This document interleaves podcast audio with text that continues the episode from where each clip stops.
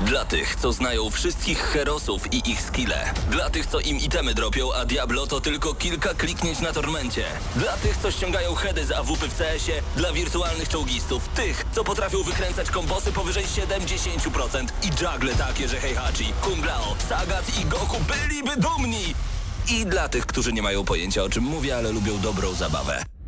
Dla tych, co klikają i tych, co dzierżą pada, co na klawiaturach, joystickach i innych kontrolerach grają w gry wideo. Ta audycja jest dla Ciebie. Gramy na maksa w każdy wtorek o 21.00 tylko w Radiu Free.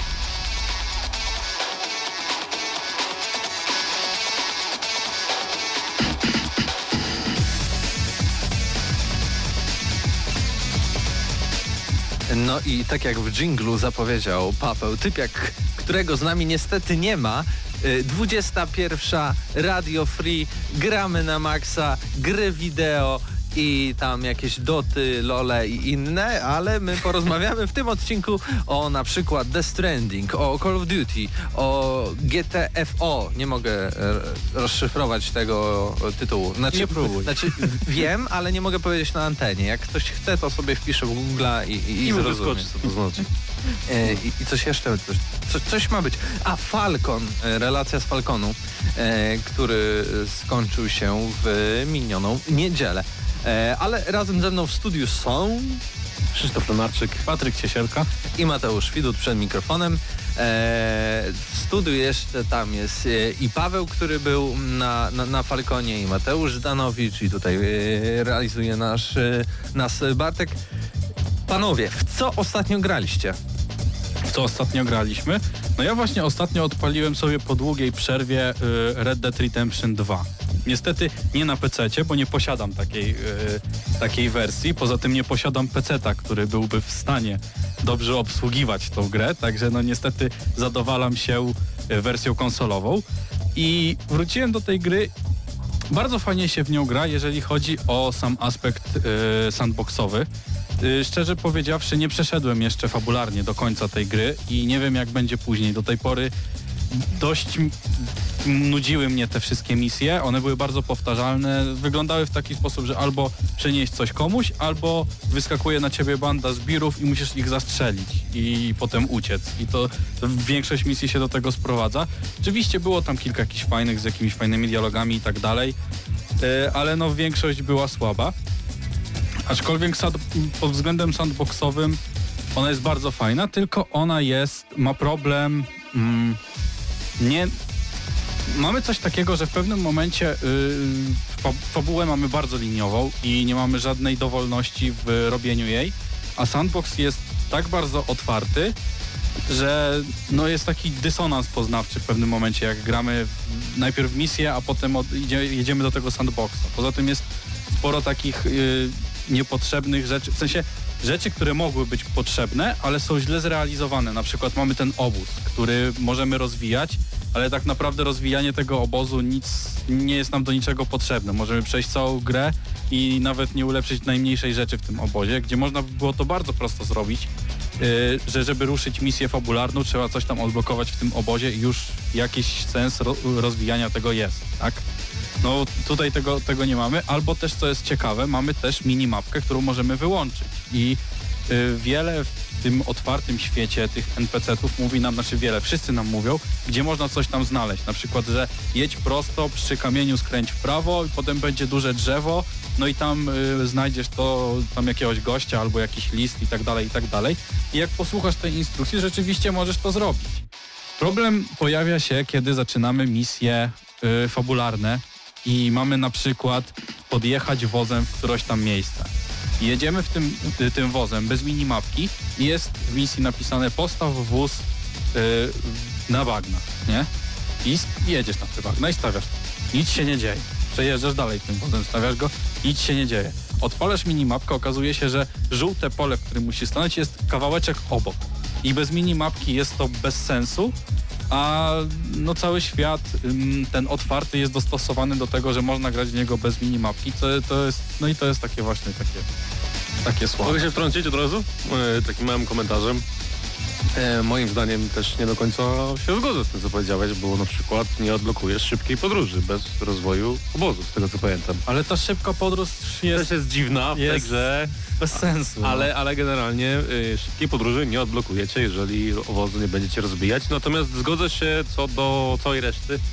Większość misji fabularnych w Red Deadzie to jest przynieś, zanieś i pozamiataj i, i jedź, wsiądź na koniu, dojedź do jakiegoś miejsca, postrzelaj się, ucieknij na koniu. I mniej więcej tak to Tak, wygląda właśnie, przez całą właśnie i to jest, to jest bolesne, bo nie daje graczowi żadnej dowolności. Szczególnie, że mamy duży świat, w którym możemy robić wszystko, a jak dochodzi do misji, to nie mamy żadnej dowolności. Jak skoczymy na dach z innej strony, to źle. Rockstar nam wyłącza misję, mówi, że nieudana misja, zacznij jeszcze raz. I to jest takie... Czy najfajniejsze chyba w tym Red Deadzie było przede wszystkim imersja z pierwszej osoby, tak ja przynajmniej pamiętam tę grę i najbardziej mi się podobały te zlecenia, oskryptowane oczywiście, było oskryptowane, ale e, polowanie na bandytów, na bandziorów. Mhm. Tak, znaczy tam miałeś jakąś dowolność, mogłeś albo zabić, No, albo po prostu albo nie. i przywieźć. No, Także... no tak, no ale generalnie to chyba było najfajniejsze w tej grze, ale y, też jak mówił Patryk, to też y, graliśmy też w jeszcze jedną grę, o której nie mówiłem na, na y, GNM Plusie, bo graliśmy sobie właśnie przy okazji takiego krótkiego posiedzenia w UFC 3 od Electronic Arts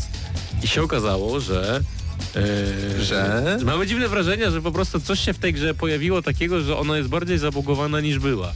Bo pojawiło się wiele takich rzeczy, które kiedyś, y, mm, gdy graliśmy w tę grę, kompletnie nam nie przeszkadzały, a teraz y, bardzo często zawodnicy robiły takie dziwne fikoły, po których y, nie da się ich zaatakować, oni się bardzo szybko, bezwiednie podnoszą.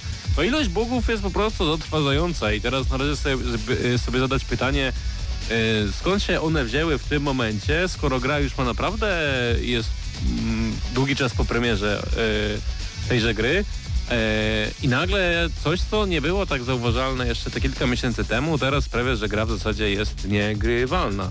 A to jest dziwne, bo jednak jest to gra sportowa, jedna z flagowych, jeżeli chodzi o marki Electronic Arts. E, Myślę, że to taki po prostu klimat. No to gra od EA, nie? Czasy, jak to z FIFA jest, nie? Czasem Zobaczy- jest ten update, który w sumie poprawia No, i no jest tak. fajnie, ale czasem się trafi ten update, że mówisz, siadasz tutaj na audycji i mówisz, jak to mogli zrobić, że popsuli tą popsutą grę. Mi się wydaje, że oni zauważyli po prostu, że jest za mało bugów i szybko wprowadzili patcha, żeby to naprawić. Bo, bo na gracze przykład się źle pojawiło się bardzo dużo nowych zawodników w tej grze, których nie było wcześniej, którzy walczyli na... na bo gal UFC generalnie jest bardzo dużo. E, W zasadzie są co tydzień, więc i zawodników musi być bardzo dużo. No i w związku z tym pojawili się oni w grze, no tacy, którzy mają po 11-12 walk zawodowych, których ja na przykład nawet nie kojarzę. Ich wcześniej w grze nie było, teraz są, więc może warto sobie zajrzeć. Natomiast sam, sam gameplay no niby fajna gra, ale ilość bugów i, i, i rzeczy, które negatywnie oddziaływuje, na przykład dalej niezrozumiały parter, po prostu w postaci takiej krótkiej minigierki od trzech części, to coś, co nigdy chyba nie doścignie yy, yy, poprzedniego posiadacza licencji na UFC, czyli UFC Undisputed yy, Free, które było jeszcze na PS3, które moim zdaniem było najlepszym odzorowaniem MMA, jeżeli chodzi o, o gry wideo. No a teraz mamy niestety festiwal Ługi Bugi. E, ja podsumuję to, co powiedziałeś. Niby fajne, ale nie. tak, tak nazwijmy UFC 3. E, ale zanim już przejdziemy standardowo e, do naszego segmentu e, typu gruby news shot, e, to jeszcze jedna gra. No, Którą też graliśmy. którą też graliśmy, dopiero co miała swoją premierę, czyli Death Stranding. E, na naszej audycji w podcaście praktycznie co tydzień się pojawiał temat, a tutaj Hideo Kojima powiedział to, a powiedział tamto, a e, głównemu bohaterowi zwiększyli mięśnie, bo aktor chciał, żeby wyglądał bardziej dopakowany.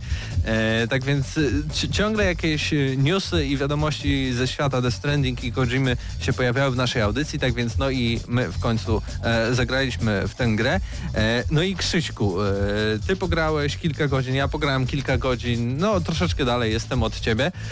Oczywiście to będą nasze wrażenia, jak mówię, Pierwsze. Pierwsze, pierwsze, no bo kilka godzin, a tutaj zaznaczmy, e, według e, How Long to Beat Game jest taka strona, e, wszystko wskazuje na to, że przejście The Standing to jest na przykład od 60 do 80-90 godzin. Z tak? czego Więc nasze kilka godzin to jest takie, no, pograliśmy 2% gry, ale fajnie jest, nie? No ale też właśnie trzeba pamiętać, że yy, też mówiliśmy zresztą na, na GNM Plusie, na które serdecznie zapraszamy, ale wydaje mi się, że z tych 60 czy z 80 godzin to połowa, około połowy to będą cutscenki, więc to też nie jest do końca tak, że yy, że 80 godzin grany jest tej grze, po prostu Hideo Kojima jest znany z tego, że lubi sobie pokręcić film wewnątrz swoich gier, no i w tym przypadku też tak jest. E, Ja czytałem całkiem sporo e, recenzji przed samą premierą i szczególnie skupiałem się na tych, e, które takie negatywne rzeczy e, punktowały. E, I w sumie byłem nastawiony, że to będzie właśnie taka gra, w której chodzimy, jest nudno, jest, ten, jest ta cutscenka, przerywnik filmowy, posłucham tego, e, idę sobie dalej i jest w sumie tak, no nie za bardzo, ale się zaskoczyłem e, pozytywnie, bo mimo, że no faktycznie gra polega na tym, że targamy ze sobą toboły i idziemy 2 km, 3 km prosto i musimy unikać, żeby się nie przewrócić o, o kubkę kamieni. Co brzmi trochę dziwnie, ale mając na przykład na plecach 70-80 kg albo nawet 120, no jest zrozumiałe, że nawet mały kamyczek może sprawić, że stracimy tą równowagę e, i musimy, e, musimy o nią dbać. Dodatkowo mamy to bebe, takie dziecko w tym takim w- Eudek to się nazywa w flakoniku e, i Słoiku. jak się wywrócimy, ono zaczyna płakać, więc musimy e, odłączyć je, machać e, DualShockiem, żeby uspokoić to dziecko, więc dużo rzeczy trzeba takich dodatkowych robić, Machać więc dzieckiem. po prostu iście, podążanie przez mapę brzmi prosto w każdej innej w grze, ale w Death Stranding to jest wyzwanie po prostu dojść do jakiegoś miejsca. Gra wygląda niesamowicie, bardzo pięknie, no to jest... Brzmi, brzmi w ogóle jak taka gra flaszowa, co kiedyś była i szedł gościu z takim pewnym płynem w ręce i go tak bardzo przechylało na każdą stronę i trzeba go było Ale- utrzymać ale- na środku. no Trochę tak jest. Trochę tak jest, tak. Idziesz, idziesz i się przechylisz na bok i musisz szybko naciskać na przykład prawy, e, prawy trigger, żeby się, się wyprostować. Prawy, lewy, a, Prawy, lewy. y, albo Dwa dwa jednocześnie. Y, Czyli wracamy do korzeni. Ten motyw właśnie przeciążenia to jest chyba najciekawsza mechanika w tej grze, jeżeli chodzi o samo poruszanie się. Natomiast e, no to jest gra drogi, gra e, tak naprawdę, którą bohater nie- i zarówno mentalnie, jak i e, dosłownie musi przejść, żeby ją ukończyć. E, no fabuła jest naprawdę skomplikowana i taka, która potrafi wzbudzić nas nie jeden raz konsternację i pewne przemyślenia i zastanowienie się, co tak naprawdę, o co tak naprawdę w tej grze chodzi, co tam się dzieje, bo to jest tak skomplikowane. No jesteśmy już rzucani jakby w, w połowę środek. hi- hi- historii, ale nawet jeśli jesteśmy rzucani, rzucani właśnie w takim e, momencie, to ja też nadal nie rozumiem niektórych jakby decyzji głównego bohatera, który mówi nie, ja tego nie zrobię, dajcie mi spokój i później znowu później- przychodzą e, ci główni bohaterowie i mówią ej, pójdź tam, a on tak mm, Może jednak. Dobra, dobra, pójdę. Nie? I, I każda cutscenka wygląda tak, że nasz główny bohater sam mówi nie, ale i tak pójdzie. Death Stranding. Czy mi się, mi się generalnie 10 na e, 10. wydaje, że e, główny bohater tej gry, którego ekspozycja i relacje są właśnie pokazywane głównie w cutscenkach, to jest chyba największa wada tej gry jednocześnie, bo, bo ten aktor ewidentnie e, nie wiem, czy czuł się dobrze w tej roli, albo może nie do końca em, sprawdził się w roli, którą otrzymał. No jest taką najbardziej e, drewnianą postacią w całej tej grze i, i sprawia po prostu negatywne wrażenie nawet takiej osoby, bym powiedział, e, w pewien sposób bez charakteru. Osoby, e, a może z drugiej strony to jest No, tak, dzięki że... temu możesz się wczuć. Jak nie ma charakteru, to myślisz, to jestem ja. Nie? Właśnie chciałem do tego pić, że może to jest tak specjalnie zrobione, żeby y, charakter tej postaci zbudować wokół własnego charakteru, bo jak wspomniałem wcześniej, jest to gra drogi. Albo z czasem się też będzie rozwijał, to też tak może być. Te 85 No godzin na właśnie. pewno e, pomogą nam wyjaśnić to Natomiast przechodząc do samej mechaniki, y, oprócz łażenia, co jest istotne, oprócz tego, że musimy dbać o własną równo- Słowakę. Oczywiście gra polega na dostarczeniu towarów, za które otrzymujemy pieniądze w postaci lajków i tak dalej, ale Pijemy napoje energetyczne, to mi się spodobało, jako Które- napojów energetycznych. które konkretnie są markowane Tak. e, zarówno w, nazw, w nazewnictwie, jak i pojawiają się te napoje w postaci przedmiotów w grze. Natomiast chciałem e, wbić to...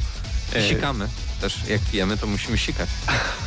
ale chciałem e, uderzyć do najciekawszego elementu e, samej rozgrywki, czyli aspektu wieloosobowego, który się w niej pojawia, że zarówno postacie fabularne, mm, które trochę nas wprowadzają w to wszystko, zostawiają po sobie pewne elementy wewnątrz świata gry, które ułatwiają nam eksplorację czy przejście danej misji, ale też e, pewne elementy, e, które zostawiają inni gracze, również lądują w naszym świecie, no i my możemy na przykład taki element przydatny lub nie ocenić w postaci pozytywnego lajka.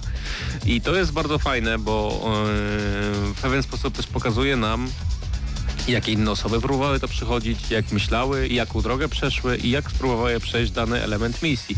E, To też e, przypomina trochę e, właśnie takie skomplikowane multiplayery jak w Dark Soulsach albo jak w Journey, gdzie jednocześnie był multiplayer, a jednocześnie go nie było tak jakby, bo, bo jest to trochę rozwiane na innej płaszczyźnie.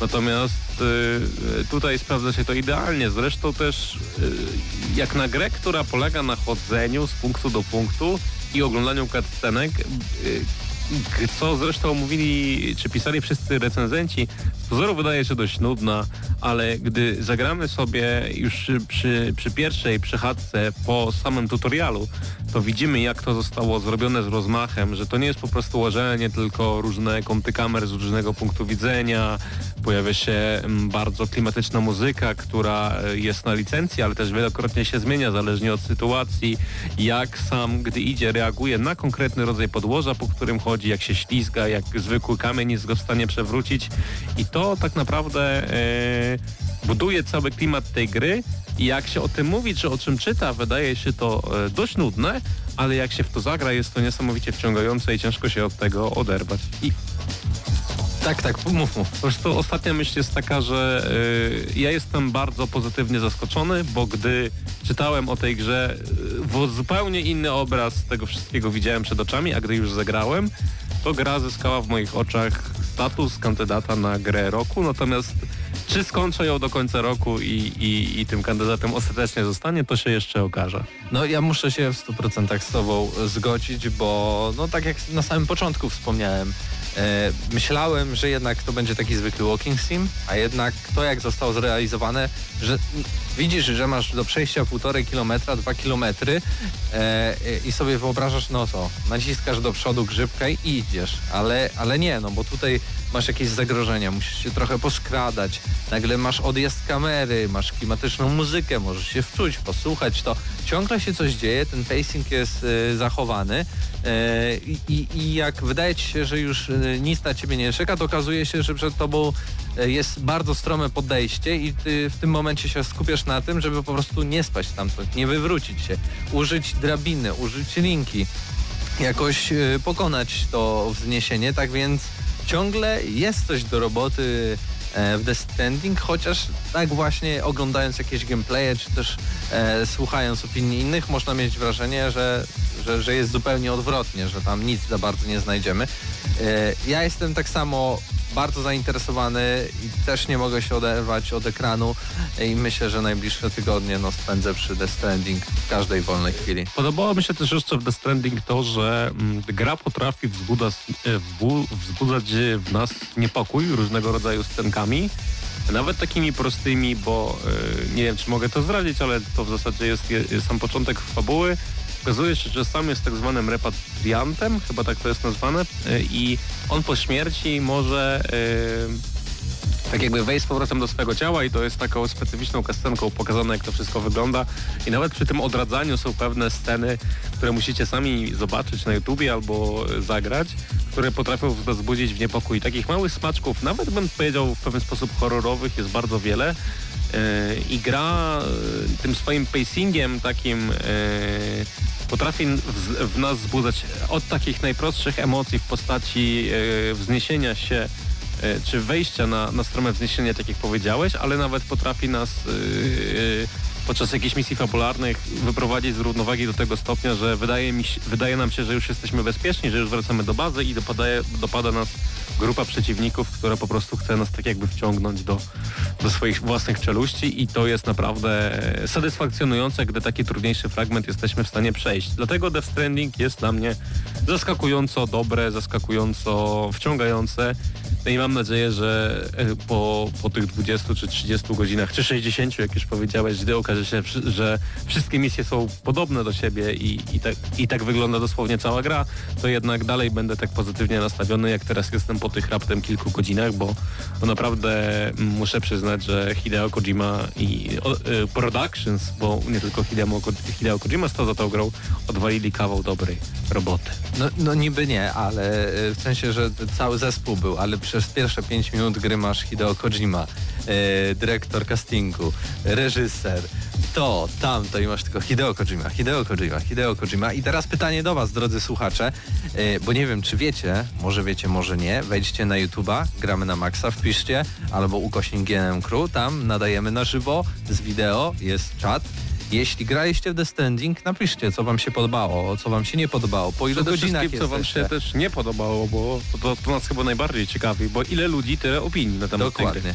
E, a my, pozostając w klimacie, e, posłuchamy kawałka muzyki właśnie The Stranding i wrócimy e, po tej uczcie muzycznej do Newshota.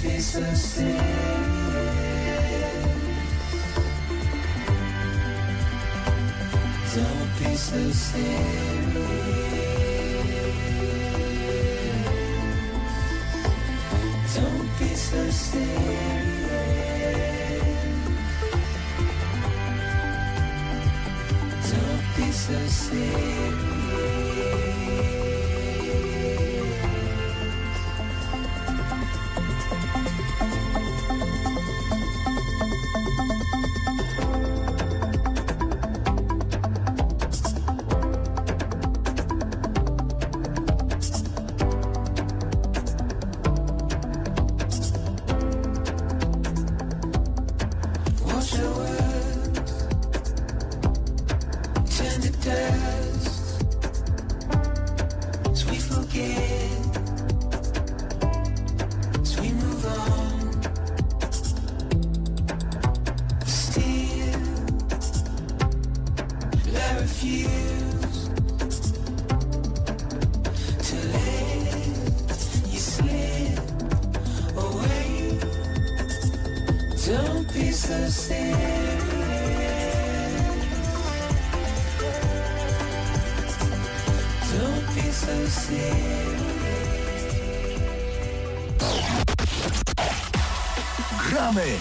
na.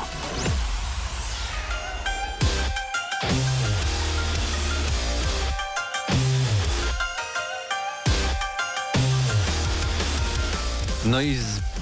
zaczynamy, przechodzimy, czy co tam robimy, do spontanicznego news shota w dzisiejszym wydaniu Gramy na Maxa i zaczniemy od bardzo ciekawego, nowego prawa w Chinach. Wiem, że nie możecie się doczekać, bo uważajcie, jeśli nie macie 18 lat w Chinach, możecie grać nie dłużej niż 90 minut dziennie, czyli półtorej godziny i możecie wydać miesięcznie maksymalnie na mikropłatności 220 zł. A jak macie jeszcze mniej e, lat, to te limity są jeszcze mniejsze. Jak wam się podoba takie coś? Ciekawe ile wtedy zajmie potencjalnemu graczowi poniżej 18 roku życia przejście Death Stranding. No myślę, że w 18. przyszłym roku może, może skończy, tak? Do, albo do 18, bo jeśli jesteś dorosły, to oczywiście żadne limity cię nie dotyczą. E, dodatkowo, żeby grać w jakieś tytuły online, trzeba się zarejestrować pod e, swoim prawdziwym imieniem i nazwiskiem i tam się zweryfikować. Tylko jestem ciekawy, bo w tym newsie na mm, Eurogamer.pl nie jest napisane, jak jest to egzekwowane.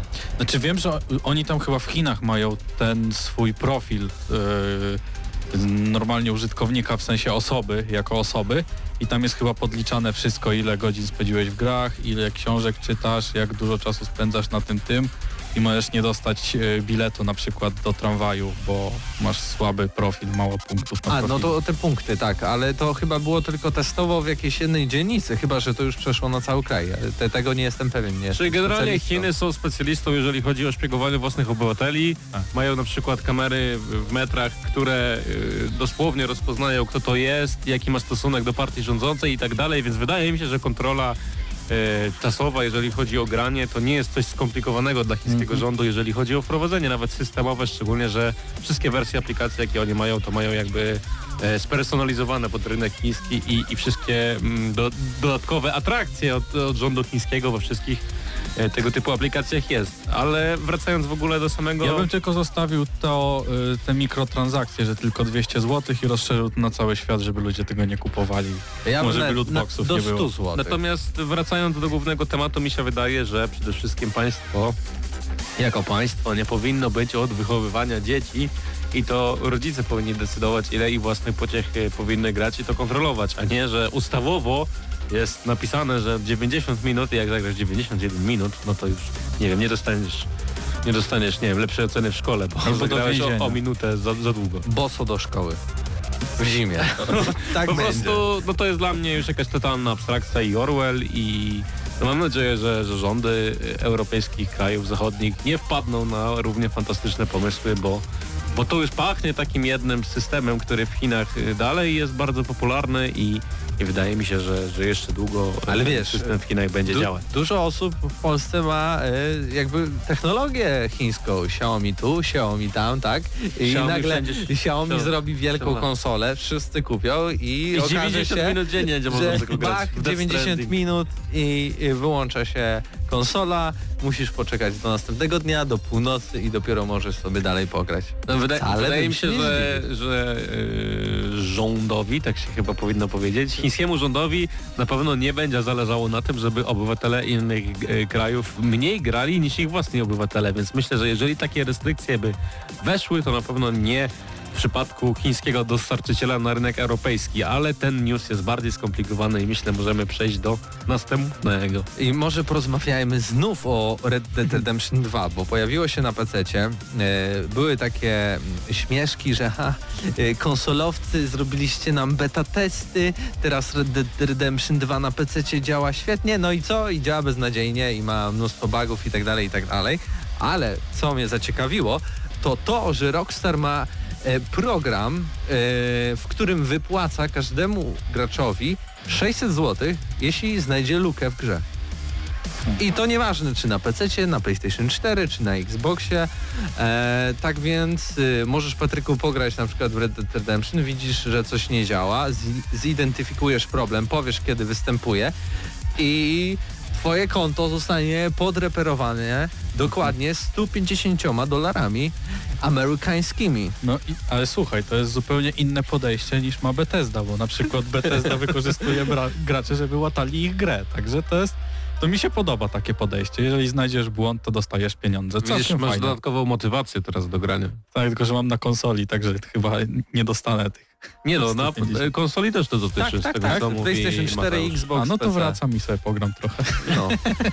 Ale wydaje mi się to bardzo ciekawy pomysł. Znaczy, no, w końcu płacą ci, nie? Nie tak, że grasz sobie i oni zobaczą, a tu powtarzasz jakiś błąd, dobra, naprawimy. Tutaj jeszcze Tylko, ci że widzisz, ale to z, z drugiej strony, gratulują. z drugiej strony y, takie praktyki powinny być przy beta testach gry. Także No jak chcesz, możesz zostać beta testerem, też płacą No ale podobno. można by odwrócić sytuację i powiedzieć, że RDR2 na PC jest betą RDR Na PlayStation 5. Bo, bo realnie, bo realnie no jednak ta gra jest dużo bardziej zabugowana niż, niż to, co mamy nawet na konsolach starej generacji, więc może to po prostu jest tak jak Patryk mówi, że to są jednak beta testy na nadchodzącą generację. A słyszeliście o takim projekcie projekt e, IGI? Je- Ja, ja zawsze mówiłem na to projekt. Iggy. Iggy. Ja mówię, Też- taki projekt Iggy. Też nie? to miałem kiedyś. E, prequel ma się pojawić e, za dwa lata, 2021 rok, na PC, PlayStation 4 i Xbox One. Ciekawe, że zapowiedzieli akurat, akurat na te platformy tą grę. Tę grę. E, I e, co ciekawe, akcja ma być osadzona, przynajmniej w jakiejś części, w latach 80. w Gdańsku i bohater wykona też misje w miastach innych państw w okresie zimnej wojny. I co ty na to? Bardzo Krzyśku? czekam w ogóle na jakiekolwiek gry w klimacie zimnowojennym, bo e, ten okres w historii świata jest jednym w ogóle z e, najciekawszych do osadzenia w grach, czy w serialach, czy ogólnie w popkulturze, a jednak nie ma e, jakiejś ogromnej ilości gier, czy innych te, e, tego typu rzeczy, e, więc kolejna produkcja osadzona w tym czasie mnie jak najbardziej cieszy. Cieszy mnie też fakt osadzenia gry w Gdańsku, natomiast ciekawi mnie co to realnie będzie, bo z tego co pamiętam projekt IGI to była strzelanka. No taka Dobrze s- pamiętam? skradanko, strzelanka, Taka naparzanka, trochę, trochę snajperka, trochę To skradanka. generalnie właśnie to raczej Będziemy była... stać pewnie na jakiejś stoczni i strzelać do złych ludzi. Oby właśnie tak nie było, wolałbym... wolałbym Będziemy brytyjskim agentem, nie? To jest projekt IGI, nie? Wolałbym zobaczyć raczej coś ciekawszego w tym klimacie, natomiast e, cieszy mnie po prostu, że, że jednak coś w, w klimacie zimnowojennym znowu powstaje. Patryk, lubisz Wiedźmina? Tak. Tak. A masz wolne 14 tysięcy złotych? Nie, akurat w tym momencie nie mam. Cholera.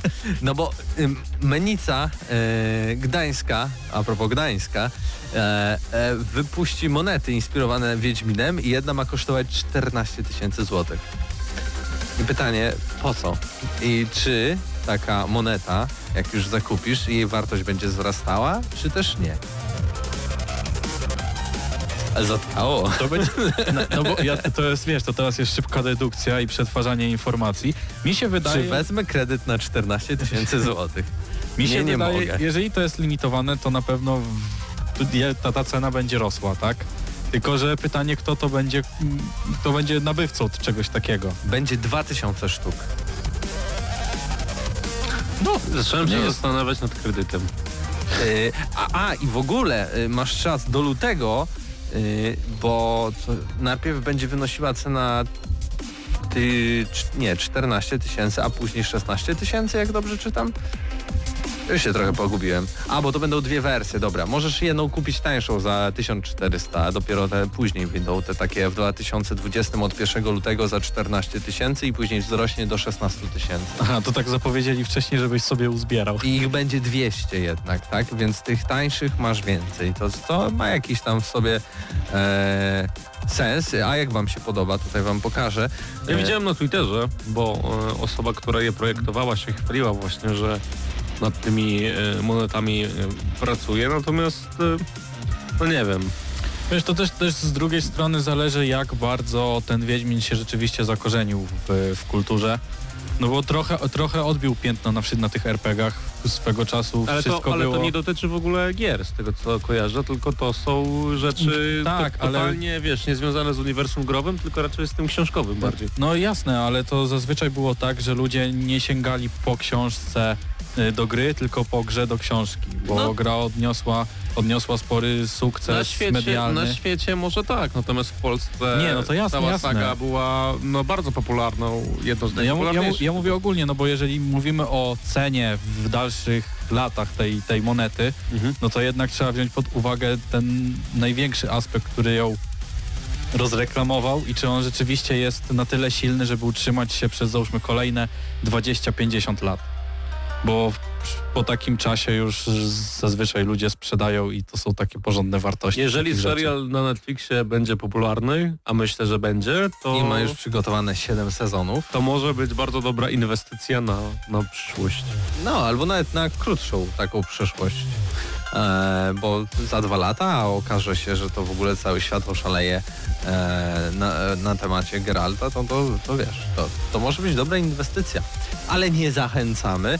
E, na koniec dwie bardzo ciekawe informacje. Trochę weźmiemy je z GNM+, bo tam rozmawialiśmy szerzej o tym, ale PlayStation opatentowało kartridże do gier. Rozumiesz to, Patryk? Kartridże do gry. I pytanie właśnie, czy te kartridże będą działały do PlayStation 5, czy też PlayStation Vita 2? Ha? Co byś chciał? Co byś wolał? Żeby kartridże były do Vity 2. Bo Nie wiem- dlaczego? No bo nie chce mi się kupować jej. Chcesz po prostu zabić każdy projekt Sony, przyznaj się. Nie, po prostu, po prostu jak y, ma być wsteczna kompatybilność, to mam nadzieję, że będą te jakieś płyty, które można będzie wsadzać do tej konsoli, a nie kartridże. A, to, to ma w ogóle sens jakiś, bym powiedział szczerze. Ale wiesz, to może być takie zamienne, bo niedługo się okaże, że te płyty Blu-ray 100 gigabajtowe będą za małe na te produkcje wszystkie, które będą w przyszłości wychodzić.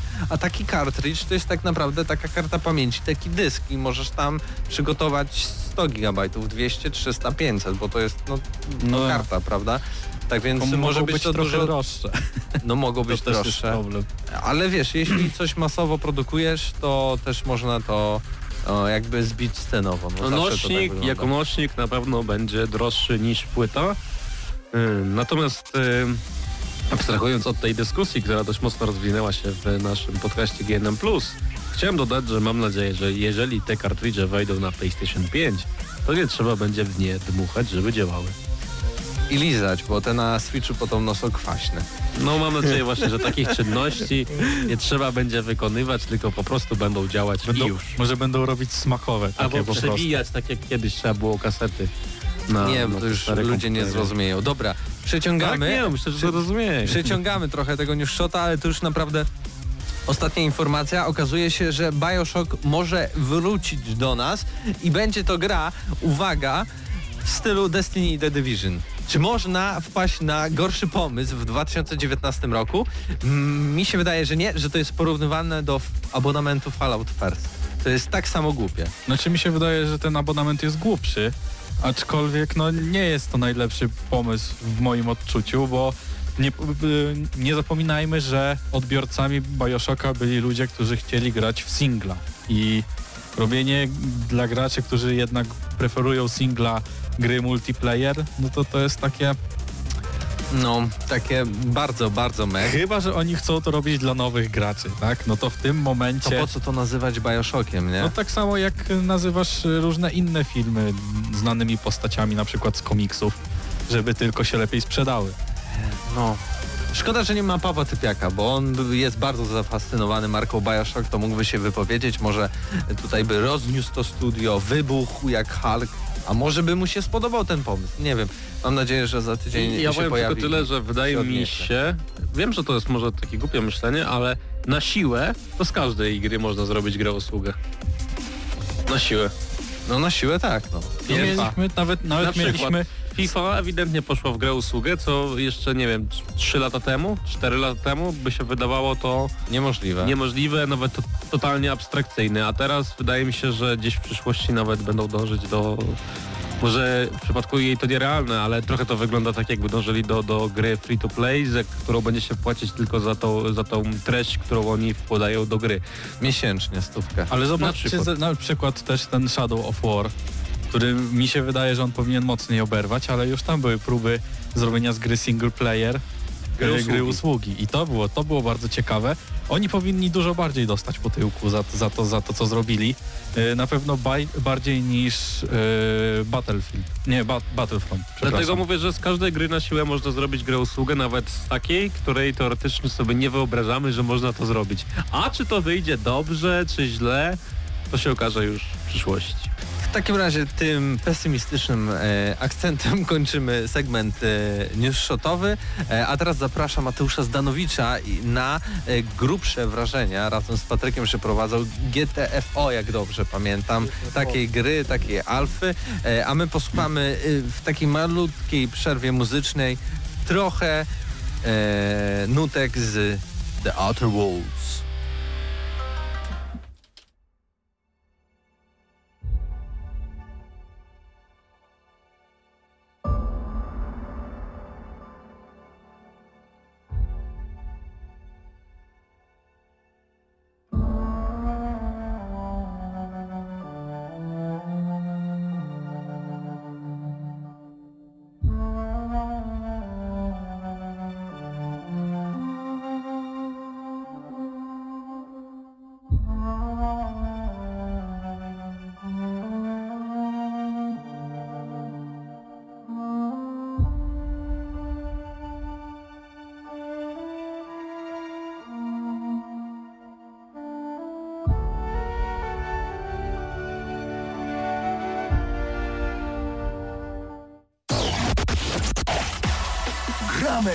Na maksa.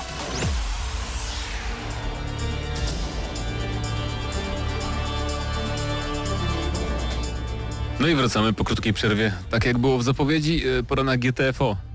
To jest, e, pewnie o tym nie słyszeliście, bo my też nie słyszeliśmy Tak, tak. do niedawna, dopóki się nie dostaliśmy do zamkniętej bety. Alfy nawet, przepraszam. Mhm. E, mówiąc w dużym skrócie, to jest taka produkcja trochę w stylu Left 4 Dead, tylko jakby no... Tylko, że inaczej. trudniejsza, mroczniejsza, tak naj, naj, najłatwiej tak porównywać zawsze, no bo to jest gra e, kooperacyjna, shooter, e, w którym walczymy z potworami trochę przypominającymi zombie, ale no nie, nie do końca, bo są Mi one bardziej przypominały te mm, stwory z The Last of Us, te takie, że tam jak klikery, te, te Klikery, o, dokładnie tak. To prawda, no fakt. Bo to wyglądało tak, jak, jak jakieś ciała ludzi były zainfekowane grzywami, coś, coś, coś w no, tym stylu. coś tak, t- troszeczkę tak.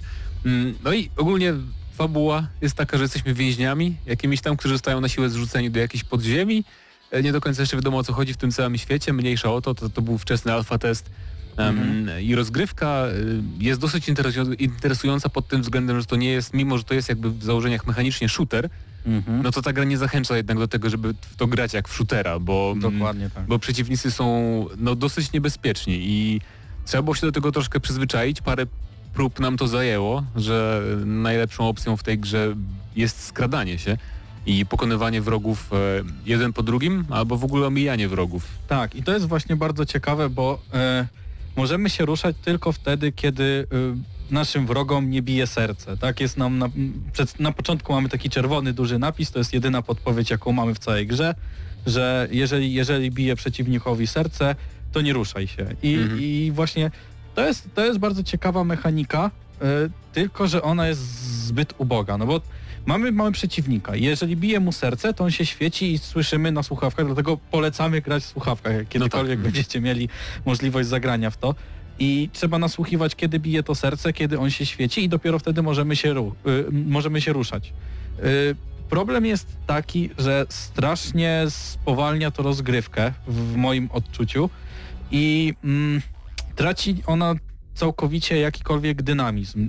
Szczególnie, że nie mamy żadnych broni z tłumikiem. To jest, to jest bardzo ciekawe i to jest coś, czego mi bardzo brakowało, bo nawet jakby były te bronie z tłumikiem i one miały bardzo mało amunicji, to ja bym brał taką broń, żeby tam jakieś początkowe lokacje przechodzić szybciej, a nie męczyć się od początku, skradając się przy pięciu przeciwnikach i każdy prze- obserwować tych przeciwników i tak naprawdę przez 10 minut przechodzimy przez, ma- przez malutki pokój. Tak jest, to, To, to, prawda. jest, to jest bardzo dziwne i każdy przeciwnik, którego chcemy pokonać po cichu, musimy do niego podejść. Także no to, to są kolejne minuty, które tracimy, żeby wyczuć tego przeciwnika, podejść, uderzyć go. Sama mechanika jest fajna, ale brakuje mi jakiegoś takiego kuszy na przykład. Albo Noży do rzucania, no cokolwiek, cokolwiek, takiego. cokolwiek, żeby dało się to zrobić na dystans. Ja wiem, że oni mogli się obawiać trochę twórcy tego, że to będzie za łatwe wtedy, ale właśnie ograniczyć amunicję wystarczy i na przykład dodatkowym celem byłoby szukanie tej amunicji w jakichś dodatkowych pomieszczeniach. No tak, no zobacz, mamy przecież rezydenty, w których jest bardzo ograniczona amunicja i No też właśnie. w pewnym momencie przestajemy w ogóle strzelać do zombie, tylko uciekamy. I,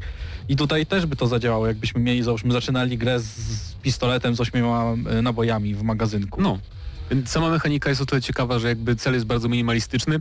Mhm. Mamy coś tam odkryć w tych podziemiach e, i musimy używać takich terminali, komputerków jakby, Tak, żeby sprawdzać, żeby sprawdzać, co jest w konkretnych... em, ty, ty się zajmowałeś hakowaniem. Tak, tak, tak, bo To- e, mamy, mamy coś takiego, mamy taki komputerek i wpisujemy w nim, jeżeli ktoś kiedykolwiek odpalał konsolę y, wiersz poleceń w Windowsie, to mniej więcej tak to wygląda. Mamy tam, możemy wpisać tam kilka komend, mamy komendę help, która wyświetla nam wszystkie komendy, jakie są dostępne, jak one działają i możemy zaznaczyć po prostu dany przedmiot, y, zapingować go, czyli wpisujemy nazwę danego przedmiotu, y, wpisujemy ping i wtedy pojawia nam się na mapie, gdzie on jest. W sensie widzimy ten przedmiot i możemy do niego podejść. Możemy też sprawdzić, jakie przedmioty są w danym pomieszczeniu i czy przypadkiem w tym pomieszczeniu nie znajduje się tej, ten cel naszej misji, żeby go po prostu, i możemy sobie sobie go za, zapingować, mm, Mhm. zrobić i wszystko jest ok.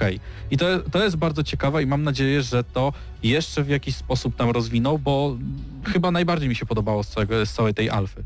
No właśnie, tu dobrym porównaniem jest trochę, teraz mi to przyszło do głowy, Hand Showdown. Bo ta gra Mhm. też nie, nie promuje tego, żebyś szedł na Rambo, ale um, daje ci sposoby eliminowania wrogów po cichu, nie? Bo masz bronię z tłumikiem, masz kuszę, potem blokowujesz. Więc e, jeżeli twórcy pójdą w tym kierunku i dadzą nam takie środki do pokonywania wrogów po cichu na dystans, e, to może z tego wyjść całkiem fajna rzecz, bo jednak mało jest takich gier kooperacyjnych dla czterech graczy shooterów.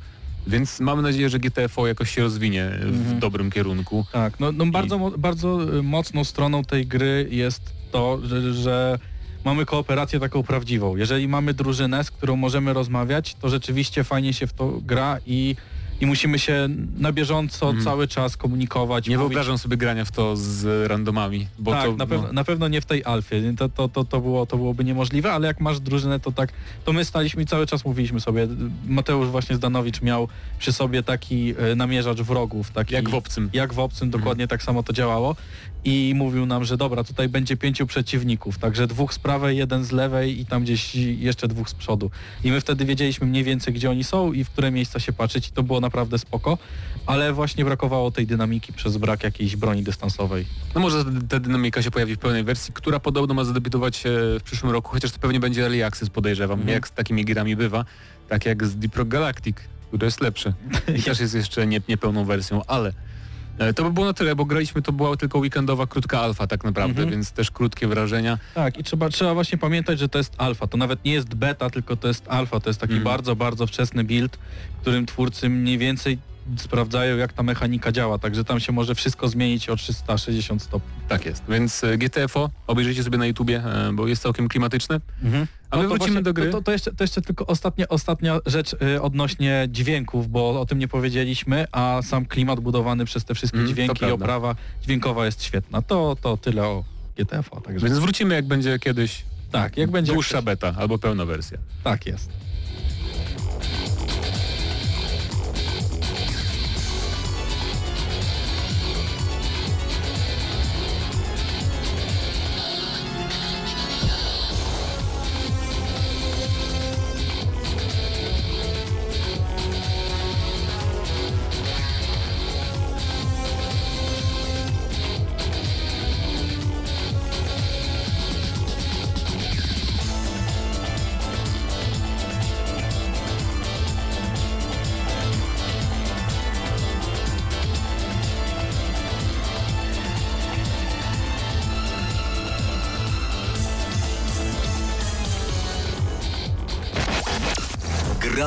Na maksa.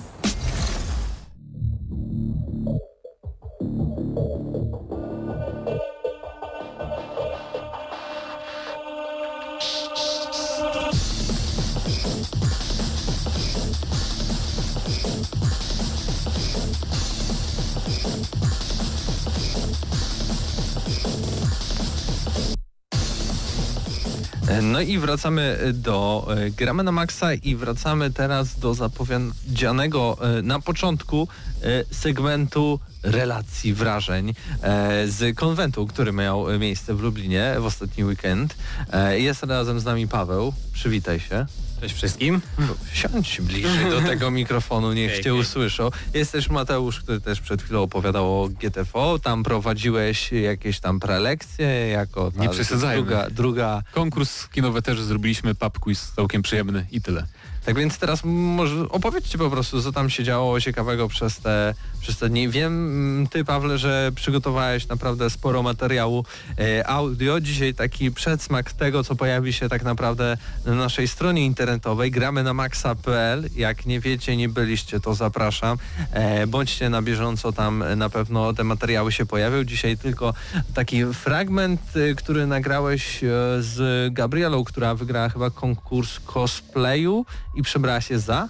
Przebrała się za Geralta z O. Wiedźmina, trze z, trzeciej, z trzeciej części Wiedźmina. Co jest y, y, ciekawe, tym To bardziej. jest, to jest częste wiesz, w cosplayowym świecie, że ludzie się przebierają za postacie jakby płci przeciwnej. Są fajne, fajne są efekty czasem. Też widziałem, e, widziałem dwa cosplaye nawet e, z takiego, nie wiedziałem, że w Lublinie to zobaczę, z Critical Role, czyli e, aktorzy głosowi, którzy grają na YouTubie amerykańscy w D&D. Więc nawet taki cosplay się pojawił na Falconie. Ale poza tym ja wiele nie powiem, bo ja się stresowałem y, prowadzeniem quizu w niedzielę, więc tak naprawdę nie za bardzo tam byłem obecny na Falconie, jeżeli chodzi o takie inne rzeczy. W ogóle byłem tam pie pierwszy raz po pięciu latach przerwy, więc posiedziałem trochę w strefie z planszówkami, pograłem przez dwie godzinki, e, nawet nie pamiętam jak się nazywała, taka westernowa wersja Mafii. E, I poza tym ten, spojrzałem na sklepiki i tak dalej i właśnie zaskoczyło mnie to, że było bardzo dużo cosplayów. Ale to chyba jest co roku, podejrzewam, tylko po prostu nie bywam często na Falconie, więc, więc nie mam porównania. No, no ale może- przyjemna atmosfera i Może nie zwracałeś uwagi. Ja w ogóle chyba pierwszy raz od dawna nie byłem na Falconie. Od, No y, nie wiem, z 10 lat jestem co roku i w tym roku jakoś, nie wiem, oddałem innym możliwość pójścia y, na ten konwent. Y, Pawle, jakieś takie najciekawsze rzeczy, które działy się podczas y, Falconu 2019, na co zwróciłeś szczególną uwagę. Y, W ogóle o czym te materiały będą, które pojawią się na naszej stronie? E, o czym będą? Podczas, podczas tegorocznego Falconu starałem się wyszukać takie rzeczy, które były związane z grami wideo albo z technologiami. E, I było całkiem sporo rzeczy. E, z najciekawszych rzeczy e, pierwszego dnia trafiłem na prelekcję e, o mózgu gracza podczas gier, w, podczas prowadzenia gier fabularnych, takich na żywo, RPGowych e, z Marcinem Toporem Ży- Życzkowskim. E, opowiadał o tym, jak mózg, jak, jak hormony w mózgu gracza sterują naszym zachowaniem podczas sesji. I strasznie mnie zaciekawiał i, i udało mi się, mi się go poprosić o rozmowę e, na temat właśnie mózgu gracza, jakby, jak, jak, jak, jak to wszystko odnosi się do e, gier wideo i, i udało mi się z nim nagrać bardzo, bardzo ciekawą rozmowę, prawie że półgodzinną, którą na pewno e, będziecie mogli odsłuchać na stronie, bo jest arcyciekawa. E, udało mi się też, też porozmawiać e, na, w sobotę z przedstawicielami klasy esportowej e, w Lublinie, która jest w Akademickim Liceum Mistrzostwa Sportowego WS, przy, przy WSI. Udało mi się porozmawiać z psychologiem sportu, z trenerem i z jednym z uczniów, którzy e, powiedzieli co nieco o tym, czego się uczą, jak pracują w szkole, e, w szkole i w klasie e-sportowej. Na jakich grach w ogóle się tak e, skupiają? Eee, skupiają się na pewno na League of Legends, bo oczywiście jest najpopularniejsza. No, Zgaduję Counter-Strike pewnie też. Eee, tak, ale o to akurat nie dopytywałem, nie, nie, nie wnikałem w to. Akurat bardziej skupiłem się o tym, na ty, o tym, jak pracują i co tam właściwie się ogólnie dzieje tak od kuchni. Eee, oczywiście zahaczyłem o cosplay, obejrzałem cały konkurs cosplayowy. Poziom był bardzo, bardzo wysoki, ponieważ e, opr- e, da, uczestnikom dano możliwość zaprezentowania jakiejś scenki albo po prostu się przejścia się przez na wybiegu, ale prawie każdy coś przy okazji zaprezentował. To nie było zwykłe przejście się po, po scenie, tylko zawsze jakaś panto, pantomima, lip sync. E, jedna cosplayerka przebrana za Cassandrę z ostatniego Mass Effecta śpiewała I Need Hero na żywo. E, już, już wspomniałeś wcześniej, to e, cały konkurs wygrała Gabriela e, Blink. E, z, pod ksywką Blink. No. Właśnie, to może Właśnie. Po, posłuchajmy tego fragmentu, który na, nagrałeś, takiego krótkiego wywiadziku zaraz po tym, jak e, okazało się, że e, za przebranie e, Geralta wygrała ten cały konkurs. Mam przyjemność rozmawiać ze zwyciężczynią falkonowego konkursu cosplayowego i zdobywczynią Nagrody Publiczności w stroju Geralta. E, czy możesz nam się przedstawić? Mm, Gabriela Woźniak, ale w fandomie i na internecie można znaleźć jako Blink Coscave. Czy szłaś tutaj z taką myślą, że właśnie idziesz e, na ten konkurs po zwycięstwo? Nie spodziewałam się, szczerze powiedziawszy. Strasznie jestem zaskoczona i szczęśliwa. No, no nie mogę po prostu, no aż ciężko o tym mówić. To jest straszna ekscytacja i straszna radość czegoś takiego. Dlaczego zdecydowałaś się akurat na strój Geralta? Pewnie już to słyszałaś pytanie od znajomych i przyjaciół. E, Padało wiele razy. Wybrałam taki strój, bo no, postać chyba kocha większość z nas jednak mimo wszystko. I jest dość skomplikowany, wiele technik można było w nim użyć oraz no, lubię wyzwania, tak? Zrobić z, jednak z kobiety Wiedźmina to nie jest prosta rzecz i chyba się udało, więc się cieszę z całokształtu. Tak, zdecydowanie się, się udało. Wszystkie detale, zbroja są po prostu nierealne. Co, jak, długo ci zajęło, jak długo zajęło Ci zrobienie tego stroju? Oj, parę miesięcy. Nie jestem w stanie dokładnie powiedzieć, bo praktycznie siedziałam na niego nad nim dzień i noc. Em, same miecze zajęły mi miesiąc, więc to jest naprawdę ogrom pracy, żeby każdy detal doprowadzić do jak najbliżej perfekcji. No i wracamy, jesteśmy już znowu po tej e, mi, minucie małego materiału. No i mamy odpowiedź na to pytanie, dlaczego? No bo wyzwanie było, no i faktycznie chyba opłaca się podejmować wyzwania, bo e, później okazuje się, że można wygrać taki e, konkurs cosplayowy, e, ale w tle było słychać, że tam jakieś koncerty były. Ja wiem, że taki mój zaprzyjaźniony zespół 6BM, czy nie wiem jak się jej wypowiada nazwę, nazwę ich zespołu, ale, ale wiem, że miał swój koncert i tam chyba kilka zespołów w ogóle przez te trzy dni tam e, pogrywało na scenie. Czy, czy nie, czy, czy się mylę? E, widziałem faktycznie w programie, że grały, ale na żaden się nie wybrałem. Skupiłem się na tym programie poranno-wieczornym. E, No dobrze, no to ym, klasy sportowe, konkurs cosplayu, y, prelekcja o, o możliwościach mózgu e, e, w świecie. To był LARP, czy w sensie live Nie, nie. action RPG, czy Nie, podczas sesji zwykłej RPGowej, na tak, tak. planszowej, okej. E, e, Czy coś jeszcze z jakichś materiałów, z jakichś ciekawych rzeczy, które tam udało Ci się zobaczyć? Coś, coś nagrałeś? E, tak, ostatniego dnia e, w niedzielę udało mi się znaleźć. Jakoś nie zwróciłem uwagi, nie wiem czy było w sobotę i w piątek, czy nie. W niedzielę było stanowisko e, dewelopera, gier, dewelopera gier Pyramid Games, tutaj z Dublina. Prezentowali trzy swoje gry. E, e, Occupy Mars o kolonizacji Marsa, taką, taki hardkorowy, sur, survivalowy symulator tam przeżycia na Marsie grę o budowaniu łazików kosmicznych. Wz- Łaziki są, są wzorowane na modelach tych e, z NASA i grę o budowaniu muzeum takiego paleontologicznego, budowaniu, o, gdzie można było wykopywać skamieliny i budować szkielety, szkielety din, di, dinozaurów. Wszystkie mają wyjść niedługo we wczesnym dostępie. Udało mi się porozmawiać chwilę z prezesem firmy na temat tego, dlaczego akurat takie gry tworzą i dlaczego i skąd biorą informacje na, na ich temat, ponieważ są bardzo, bardzo szczegółowe i są takie e, trochę też takie naukowe można, można by rzec.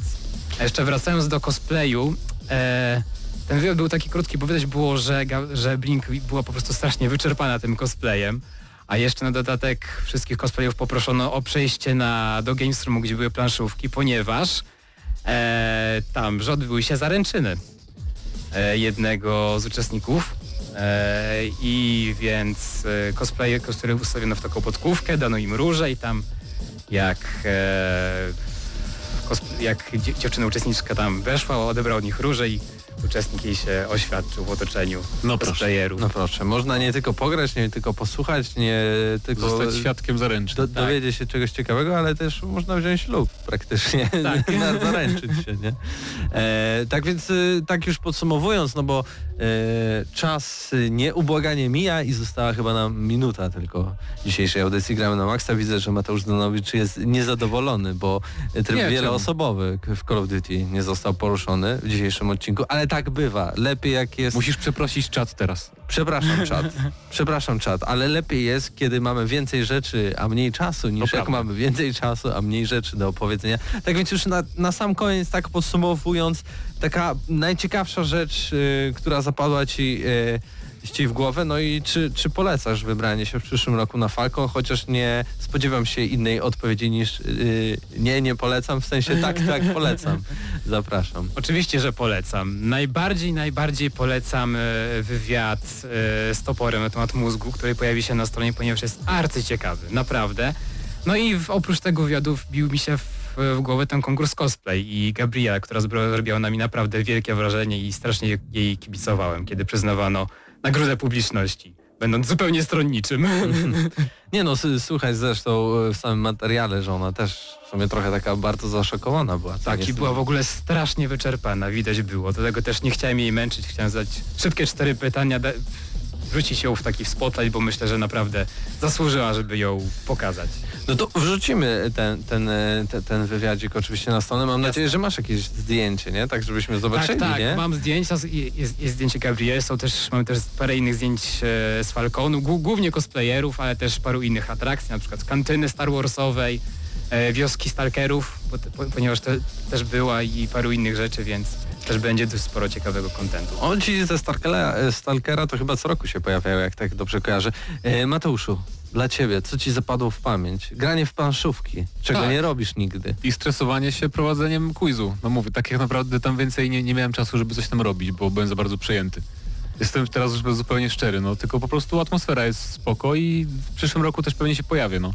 Tyle mogę powiedzieć. I faktycznie ten cosplay robi wrażenie, bo widać po niektórych kostiumach, że e, ci ludzie muszą na to poświęcać faktycznie miesiące, żeby te wszystkie detale i szczególiki e, dopieścić do ostatniego szczegółu właśnie. No to jak co roku y, odgramy na maksa wielka okejka dla Falconu. E, w przyszłym roku się również pojawimy, może jeszcze jakiś gramy na maksowy e, panel uda się zorganizować, coś opowiedzieć o grach, miejmy nadzieję. E, no a to, była, to był kolejny odcinek audycji Gramy na maksa. E, z wami był Patryk i był i Krzysiek, e, jest i Tutaj nas realizuje zawsze dzielnie e, Bartek e, i tutaj był, proszę bardzo, Mateusz, i proszę bardzo. Paweł? I przed mikrofonem też był Mateusz e, i słyszymy się za tydzień. Może trochę więcej o The Stranding, może w końcu tryb wieloosobowy Call of Duty. Kto wie, Może. kto wie. Posłuchamy, zobaczymy. Tak więc cześć i czołem do następnego wtorku. Dla tych, co znają wszystkich herosów i ich skille. Dla tych, co im itemy dropią, a Diablo to tylko kilka kliknięć na tormencie. Dla tych, co ściągają heady z AWP w CS-ie. Dla wirtualnych czołgistów. Tych, co potrafią wykręcać kombosy powyżej 70% i juggle takie, że Heihachi, Kung Lao, Sagat i Goku byliby dumni. I dla tych, którzy nie mają pojęcia o czym mówię, ale lubią dobrą zabawę. Dla tych, co klikają i tych, co dzierżą pada, co na klawiaturach, joystickach i innych kontrolerach grają w gry wideo. Ta audycja jest dla Ciebie. Gramy na maksa w każdy wtorek o 21.00 tylko w Radiu Free.